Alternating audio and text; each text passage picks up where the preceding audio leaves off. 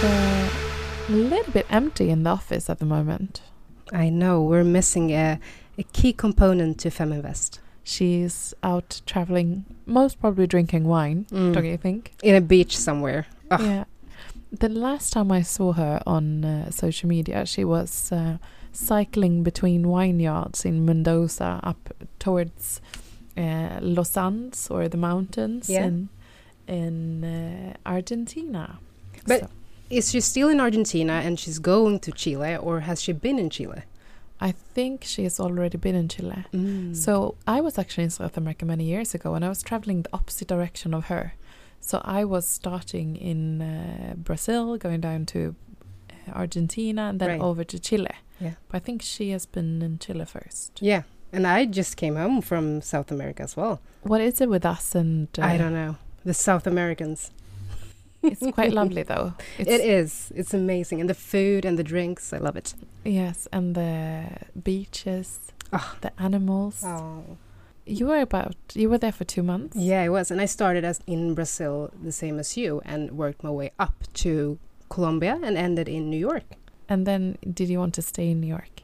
I did. I did. I love New York, but it's it's so it's so big though, in comparison to Stockholm. So I don't know. I I, I feel at home in Stockholm. I wouldn't want to live in New York, but I like it. I like But could it also be that you ended like a long trip with uh, with a city and you kind of just wanted to go home? Probably, and I we only had our like backpacks and you know the clothes we had on our journey in South America, so it didn't feel like you know we had The right clothes. right, and that's a lot Yeah, yeah. when you're makes sense. traveling. Yeah, you had your Backpack Beach. mode on, yeah, right? And we went A there turtle in the back. Exactly, and we went there in like November, so it was super cold, and we only had like wind jackets. Oh wow! I know it was Mm. terrible, Mm. but it's great. Now we're home, and in your, in the warmth of Sweden. yeah, I know. But we we came home just in time for Fearless, the Fearless event. And what happened at the Fearless event? The Fearless event was incredible, and uh, what has happened after is that obviously we launched our expand offer for uh, all the female entrepreneurs out there. So if you're listening to the podcast and you have an idea that you want to pursue, a business, uh, you are more than welcome to apply. You can just go to uh, www.feminvest.se slash Entrepreneur. are you an entrepreneur Yeah. entrepreneur and then Mhm. you'll you'll fill in a form to join the expand program and we've got so many exciting companies joining I know. It Oh was such a rush to the expand program. I didn't So much fun, though. realize I because we did it so we've been working so intensely with it Mhm. so- But I mean, we have like hundreds of companies contacting us every year, so I mean, we have to put them somewhere. yeah Expand is for you. yeah and it's uh, it's a way yes. So if you're new to Feminvest we started off with uh, academy which is if you are interested in investing and it's for beginners as well as if you are into trading etc we got a little bit for everyone. Mm. and then we've got the angel investor community where we uh, manage the deal flow of female entrepreneurs majority owned companies where we try to uh, accelerate female ownership by matching investors and entrepreneurs but we realized we didn't work closely with the entrepreneurs for a long time. So we we wanted to assist them in that scale, get scale readiness, Mm. and that's why we launched Expand. Mm. And it's a one-year program, right? And we have a new colleague who's going to run this for us, Yeah, Saba. right? Yeah. So and you'll li- listen to her in the podcast soon because she will do all the entrepreneurs interviews in a very short time. hmm So uh, if you're an entrepreneur, go explore uh, and see if it's something for you. Um, we are really excited about it, and we have the first meetup uh, in April Mm. on the 18th of April. Yeah. And uh, we'll have a lunch here talking about how you can incentivize employees in an early stage and also negotiating with investors and shareholders, uh, which is super important. And then we'll invite some investors as well. hmm And please uh, contact us if you have any questions. Info at feminvest.se, and we'll we'll help you further. Yeah. But Michaela, stuff is happening, isn't it? It's so uh, dramatic out there at the moment. Uh, Mm. The financial markets are shaking, and we do understand why. The core foundation for financing our societies, the banks, are shaking. hmm And, And uh, how are they coping in these crazy times? I would say that um, there are a few things you could uh, you should remember at those times, Mm. and it's uh, one thing is that uh, if you look at uh, the history of the Silicon Valley Bank, Mhm. that particular bank has been financing the ecosystem of startup scale ups up until IPOs uh, for uh, the last 30, 20 years. Mm. It, it has been around for 40 years, and it's actually been uh, holding in their accounts the money of those startup and scale up companies. Mm. And all of a sudden, uh, they couldn't access their money. Why?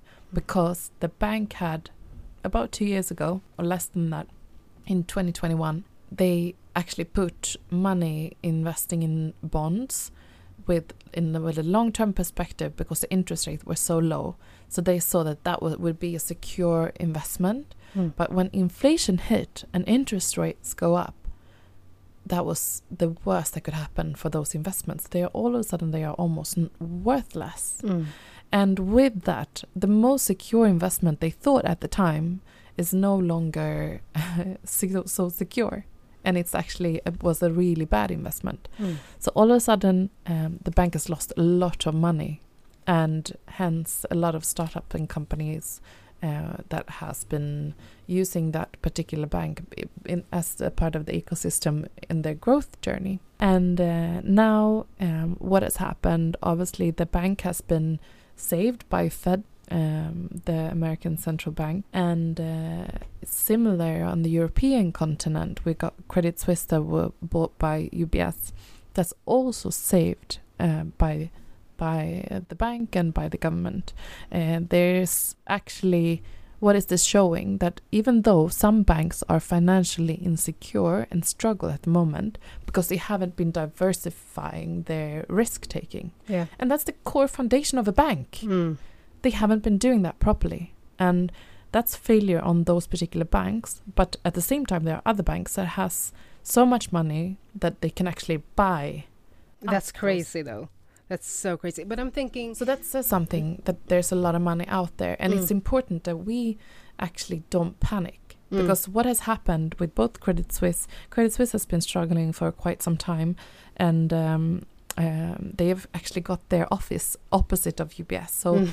Can you imagine? They've been rivaling for so many years, and all of a sudden, they are bought by their worst rival. right. They just swept in there and took everything. Exactly. Oh my god, that's crazy. Yeah. But I'm thinking, like, when talking about banks, it's such a huge thing. So I'm thinking, me and most of the other people out there are thinking, like, how am I supposed to handle this information? What am I supposed to do? What? How will this affect me? So, uh, of course, Yeah. those events could affect uh, our banks. And we've seen the stocks of Swedish banks been going down dramatically Yeah. in the last few days. Now, uh, when you listen to this podcast, it's been turning around and the share prices have been going up again because um, one feel that oh maybe the danger is over for this time Hmm. but um, there are still insecurities and what we have to remember is that interest rates has been going up so dramatically. We've been moving from one complete um, end of the interest Spectrum, rate yeah. spectrum to the other in very short time. And so there's going to be some turbulence onwards. Hmm. but many banks are stable. They've been um, they make a lot of money. And we could see that from the first uh, reports for the end of last year in the beginning of the year that when that when that was presented that a lot of banks are doing really well Hmm. so uh, what one could do to feel safe is actually uh, work with uh, diversification in terms of where you have your money Hmm. have a few different bank accounts. Um, there's an insurance for the money that in the US you get um, almost two and a half million Swedish kroner uh, that are insured when you are in a bank, insättningsgarantin as we call it in Swedish. Mhm. And um, we in Sweden we have less, but we have the same. So if you want to feel more safe, that could be one way of of doing it. But also look out for um, the the banks that are doing well, that's been around for many years, like uh, SEB and Swedbank, and Right. they they are doing well Mm. still. Mm. But I mean, you have a broad network, and I'm thinking, uh, have you been in contact with anyone in in the states, and how do they feel about this? What what's happening?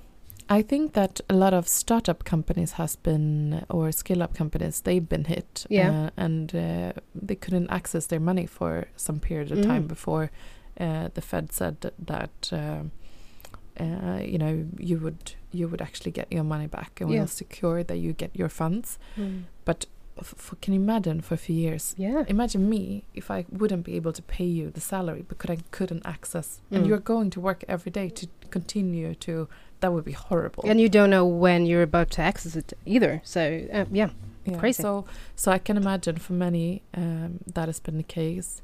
Uh, um, quite a few people have lost their money as well because of investing Mm. uh, in the shares. Mm. I heard this story of a guy that saw that the share price of um, um, Silicon Valley Bank had been going down because Silicon Valley Bank did super well during the pandemic, yeah. obviously, Yeah. when the tech boom was there. hmm Uh, but so he saw that the share price was down, so he was like, "Oh, it's been going down so so much." So he actually bought some stocks, and then it was down sixty percent one day. The So- horror so when looking at that account. Yeah. Yeah, oh, exactly. like that are also hit, but um, overall, um, the Federal Reserve or central banks in those kind of situations, they are like, "Okay, what can we do to make the situation least worst, Mm. or like improve to the best we can?" Mm. and that's what they did by securing the funds uh, in those banks. We've got um, HSBC that bought uh, the UK branch uh, for one pound, I think. One pound. yeah, Are you serious? with liabilities and yeah, and then uh, we have the similar UBS in in Switzerland. So Mm. it would be it would be interesting to follow. There's going to be some turbulence, but uh, the financial system is not shaking. Mm. It's it is rocky. When you look at the news, they are uh, shaking. That's for sure. Yeah, but uh, uh, and I would say there are there there, there will be more issues Yeah. um, coming up to the surface. But uh, what I also think is interesting is like okay, so we've got inflation going Mhm. on. What is what asset classes are really performing well at those times? Do you know? No, tell me. Gold, Mm. um, commodities. Mm. So, uh, in high inflation environments, gold has actually been, been performing uh, the best, and uh, commodities are the second best. So, this is uh, uh, some data that I picked up from 1900 up until uh, 2022, and looking at the correlations between inflation and real asset returns.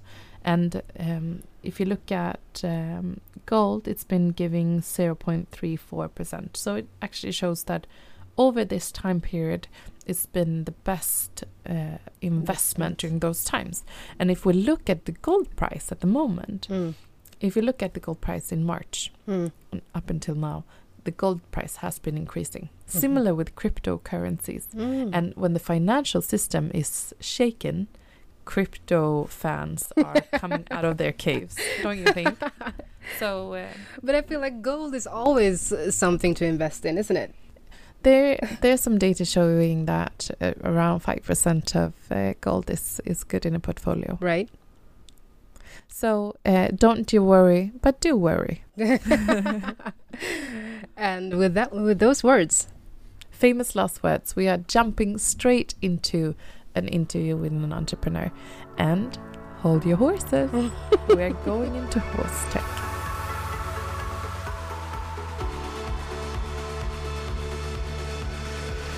What is your experience in horseback riding?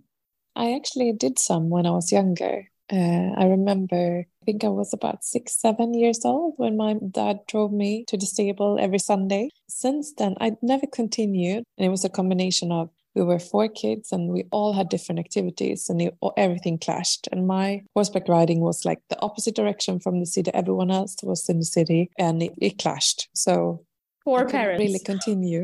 You know, they were busy. they were so busy driving us around. You know, in the countryside as well. It's not like it's easy to commute for the kids. exactly. So, uh, but I love horses. I think it's actually one of the most beautiful animals on this earth. We even went uh, before you joined. We went on a horseback riding day, uh, actually, like in the forest just outside of Stockholm. So maybe Ah. we should do that again. Have you been spending time in the stable? No, but same as you, um, around like six, seven years. I did it for a couple of years. Uh, but uh, you know, I found uh, circus, right, as my Oh My yes, yeah. activity. So I did circus and and and dancing. Uh, It, this we need a deep dive into your circus skills one time. definitely. Maybe there could be a little uh, video on social media. No, I'm joking. Did you do any like tricks with animals? No, we didn't have that on our circus, which I think is very good actually. But today we will continue to talk about the horses, and we are very, very happy to have you here, Charlotta and Mari from Rider's Position. How are you? Fine, thank you. Yeah, fine. Yeah. And we are thrilled to be here with you. Oh, so exciting. You have uh, been working on your business for a while, and you kind of tell what you are doing by the name, Rider's Position. It's all about using technology, and horse tech is such a hot topic at the moment. But using technology to improve the position, and the position is actually key to the interaction with the horse, I've understood. Yes, Is that correct?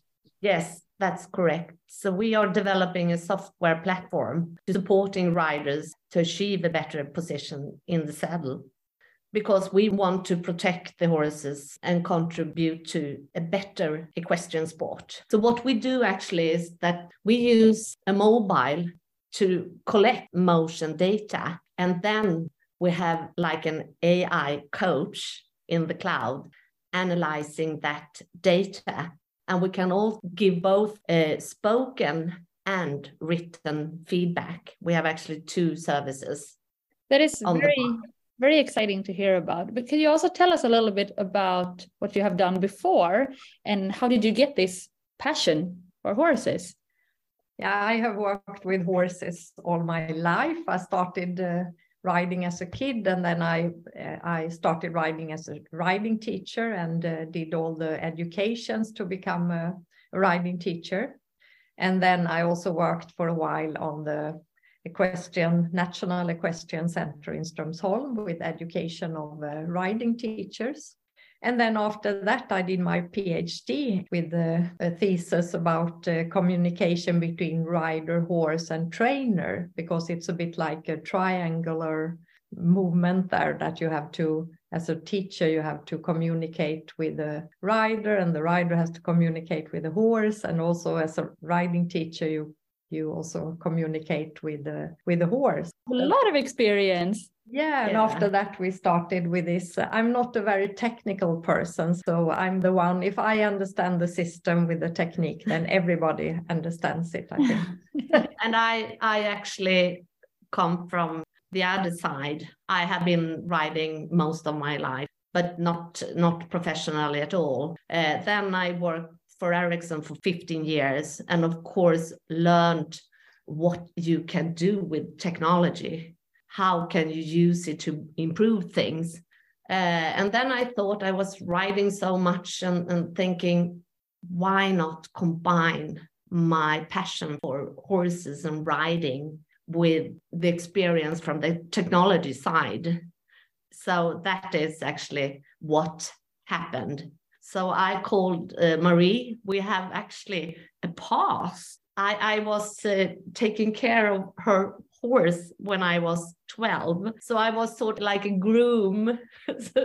That's actually so funny. I thought at first you were going to say I took care, took care of her kids, but uh, her horse. That's like so. Your story goes way back. yes. and that that is very good when we started the business together because we had the same a bit of the same background and uh, we knew each other already so then it, it becomes easier because you yeah you you have a common start or something Did you then see the same challenges or, and the importance of the rider's position? Oh, yeah. you have that experience, both of you, from before. Definitely. And when I called Mari, she was actually uh, in in the ending of her thesis, And she said, please call me a month from now. And so, so I did because I wanted to work with Mari because she's one of the best when it comes to the rider's position in the saddle. And I can also tell a little bit about the, the background because I did a study many years ago when I had a, a panel of five people that looked at 20 riders and they should say you know what what is wrong with their position? What do they need to improve? But all five saw different things. And then i realized that it's impossible just visually to see how a rider moves in the saddle or sits in the saddle. So this is a sort of a follow up from that study that I did many years ago. And, and now it is also when you look at horses that are lame, you see that the vet can't actually see if the horse is lame when they just run with the horse. So they also have started to look to use uh, movement analysis to see what is wrong with the horse. Mm. So this is now very sort of uh, yeah a new, a new way of using new technique for for things that is has earlier been built just on experience and uh, and these things. That's why you have all this competence and all this research uh, that is uh, and showing how important it is with that position. Has this been known for a long time or like um, and is it like everyone knows this if you are in the horse industry it is question. A, it's a very conservative, uh, so people are used to that. That you have this nice riding teacher or uh, very skilled riding teacher standing in the middle, and then you ride around, and they try to to subjectively assess the rider's position. But uh, now it sort of starts to and that that is also why it, it is a bit of a challenge to because you need to change to a new way of learning how to ride to use technique. And that is uh, a bit of a challenge for us that people mm. have to sort of do it in a new way. Mm. But if we go into the rider's position app a little bit like more closely, how does the app work? Oh, it's it's pretty easy. You of course you download the app uh, and create an account, and then uh, then the app starts, you press start and the app starts to talk to you, uh, do this and that. So we have what we are working most on right now is the rider analyzes. And so it tells you to first start to warm up your horse, blah, blah, blah.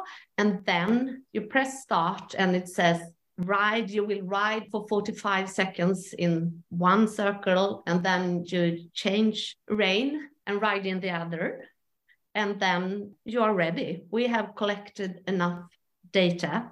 And then if they would like to do it again, you know, when you're doing something new, and especially when it comes to technology, you can do it again, etc. Then is uh, the data sent up in the cloud, and the rider get an email where they actually can buy the analysis. Oh, okay. Yeah they receive an email after three days or shorter. They get an email where they can see their movement, motion graphs, and they get also comment. Uh, you ride in a nice rhythm, but you are a bit behind the horse, horse's movements, for instance, and a bit of a summary uh, what is your strengths and what do you need to improve and also how you can improve it. And you also get a link to a few exercises off horse that you can do. For instance if you have a weak core you get some exercises to strengthen your core or you you might be a bit of a tense in your upper body and then you get some exercises for that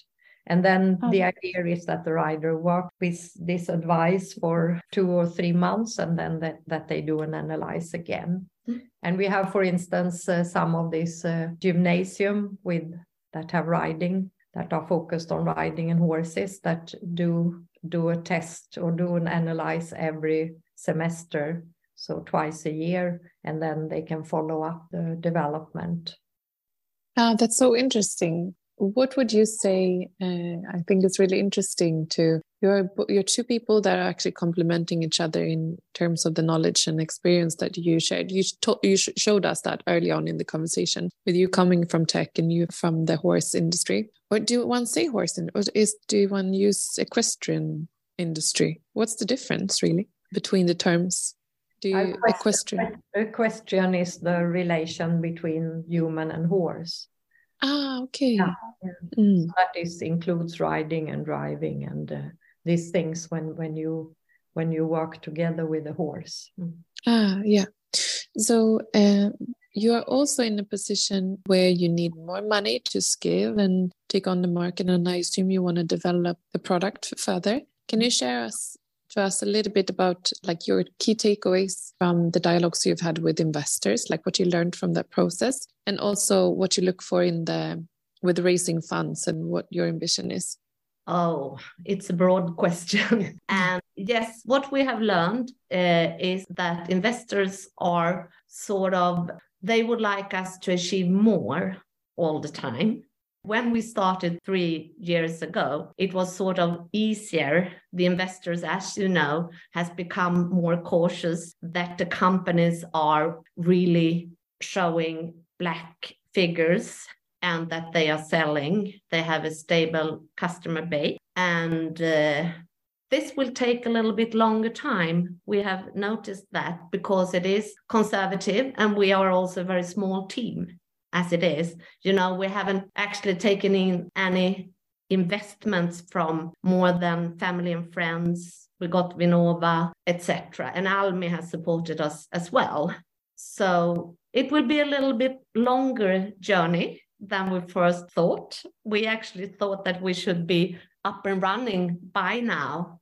But as one investor told us, it always takes three times as long to develop a company. So right now we are looking for one and a half million SEK. And of course, we like to have an investor that is uh, opening doors, knowing people. Have you anything else, Mari? Yeah, what, what we want to do is uh, that we want to add the symmetry. So because now we measure how the rider moves up and down, forward, backward, and we can measure side to side, but we need to, to develop that further to, to include that in our analysis. And then now we just have trot, and now we want to include also to develop canter. So because it, it is a bit more complicated compared to running since the horse has different gait. Mm. And then also we have this, uh, we have also a rhythm coach. Mm. Maybe you can tell about that. We have a second. Uh... Yeah, that is actually what we start. We started with the rhythm coach uh, and uh, with the vision to, to have a real time uh, spoken feedback. So we developed that for sitting trot. So you can download it in the App Store and it's for free. Uh, but that we, of course, would like to develop further.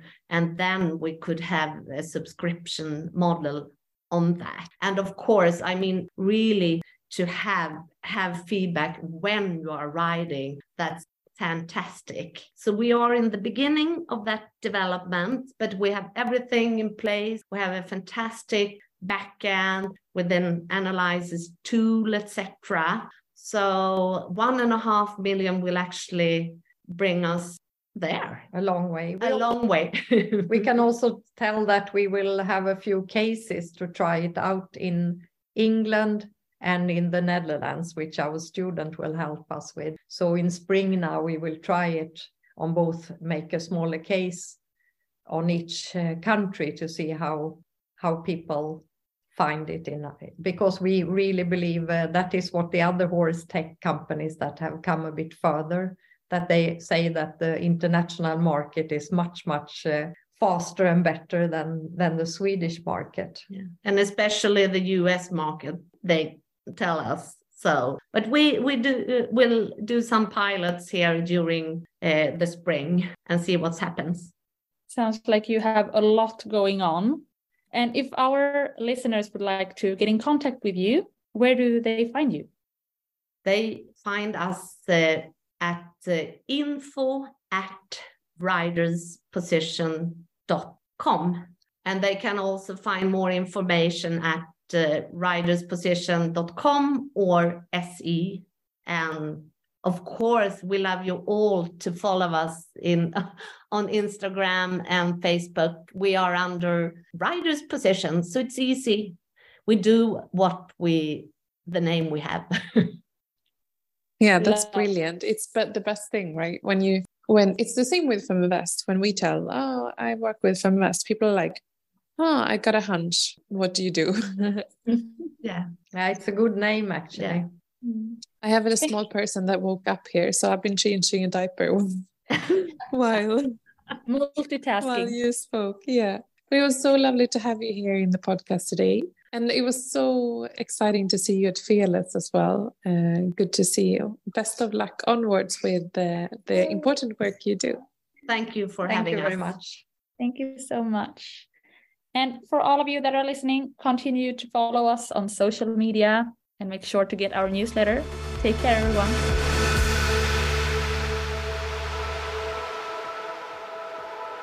Feminvest är Sveriges största investeringsnätverk för tjejer. Vi vill att allt fler ska våga äga och förvalta. Och hur gör vi då detta? Jo, vi vill inspirera, utbilda och utmana runt ägande, investeringar och entreprenörskap. Följ Feminvest på våra kanaler Facebook, Instagram, Youtube. Varje vecka så kommer vi även ut med en podd och du kan ju självklart även följa nyheterna som publiceras på feminvest.nu. Det är bara att söka på Feminvest på samtliga kanaler så hittar du till oss.